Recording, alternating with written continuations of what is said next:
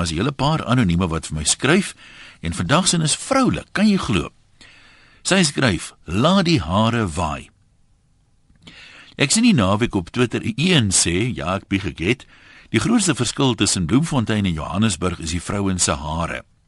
Ek het nog net by Bloemfontein verbygery, so ek is nie seker presies wat hy daarmee bedoel nie, maar ek ken die verskil tussen Stellenbosch en Pretoria se vrouens se hare. Ek het op Stellenbosch geswat en ek was in een van die dames koshuise. Dit was die era toe dame en meisie skynbaar nog sinonieme was. Ons het opgedres vir huisdanse, maar jeans en 'n T-shirt was goed genoeg vir fliek en kuier in die akker of die dros. Daar was 'n paar eksotiese haarsalonne op die dorp met eienaars wat gewoonlik uit Europa afkomstig was. Hulle was dubbel so duur as die ander, maar jy darm 'n glasie sherry of selfs champagne gekry terwyl hulle met jou hare doenig was en jou laat goed voel het oor jouself. As jy die prys van daai terapie byreken, was dit eintlik 'n bargain. Dis net in staande het min van ons fancy haarstyle gehad. Op kampus was dit noodsaaklik om steeds aanvaarbaar te lyk as jy half 9 by 'n 8 uur klas instap. Na my BCom het ek werk gekry in Pretoria en ook ingeskryf vir 'n honneurs. Hoewel Pretoria 'n stad was en Stellenbosch net 'n Bolandse dorpie, het Pretoria vir my meer van 'n plattelandse plaasatmosfeer gehad. Dalk was dit al die blou bulle. Die eerste keer toe ek gaan fliek het, het ek so uit plek gevoel soos 'n vrou wat informeel geklee opdaag by 'n formele bal. Die Pretoria dames het my jeans en T-shirt afkeurend aangekyk en hier en daar kon ek sien iemand kry myself jammer. Ek het hulle net so jammer gekry. Iemand wat so opdres vir 'n fliek het duidelik nooit ander geleenthede om met haar klerekas te spog nie. Ek moet erken die term niks gewoond het wel by my opgekom. Maar die hare was die grootste verskil. Ek het in Pretoria haarstyle gesien wat ek nog nooit elders gesien het nie, behalwe op ou foto's van my ma.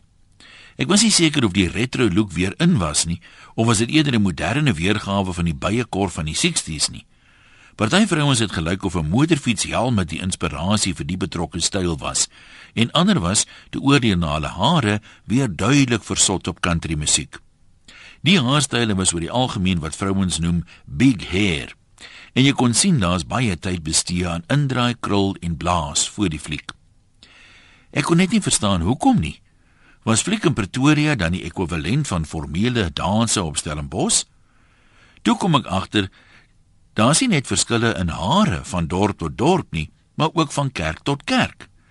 Dames in die charismatiese kerke het veral groot gegaan met die styl van Farah Fawcett en Geraldine. Farah was egter toe nie meer 'n Charlie's Angel nie. En Geraldine het al lank terug gevra, "Have I told you lately that I love you?" Dis was die term AGS hare, meer algemeen, maar natuurlik net onder die susters van die susterkerke. Ek het altyd gewonder of waar 'n suster in die AGS gemeente was wat die ander susters se hare gedoen het teen 'n tiende van die gewone prys. Of was daar dalk voorskrifte oor hare in die Bybel wat ek miskien misgelees het? Maar die Bybel het ook al so baie verander dat net ou tannies nog goed gedra het kerk toe. Die ander relevante ding is natuurlik dat die mens 'n tropdier is. Maak nie saak hoe verkeerd hulle is nie, maar die meerderheid raak gou die norm en dan sal hulle maklik neersien op iemand wat anders dink of lyk soos in my geval. Ek was toe in die minderheid, maar nadat ek Johannesburg toe getrek het, is ek nou weer in die meerderheid. Ek weet egter nie of dieselfde hare nog heers in Pretoria nie. Maar wat maak dit tog saak? Ek sal maar aangaan om te wees wie ek is, soos altyd. Hoekom doen jy dit nie ook nie? Groete van Haardos tot Haardos, anoniem.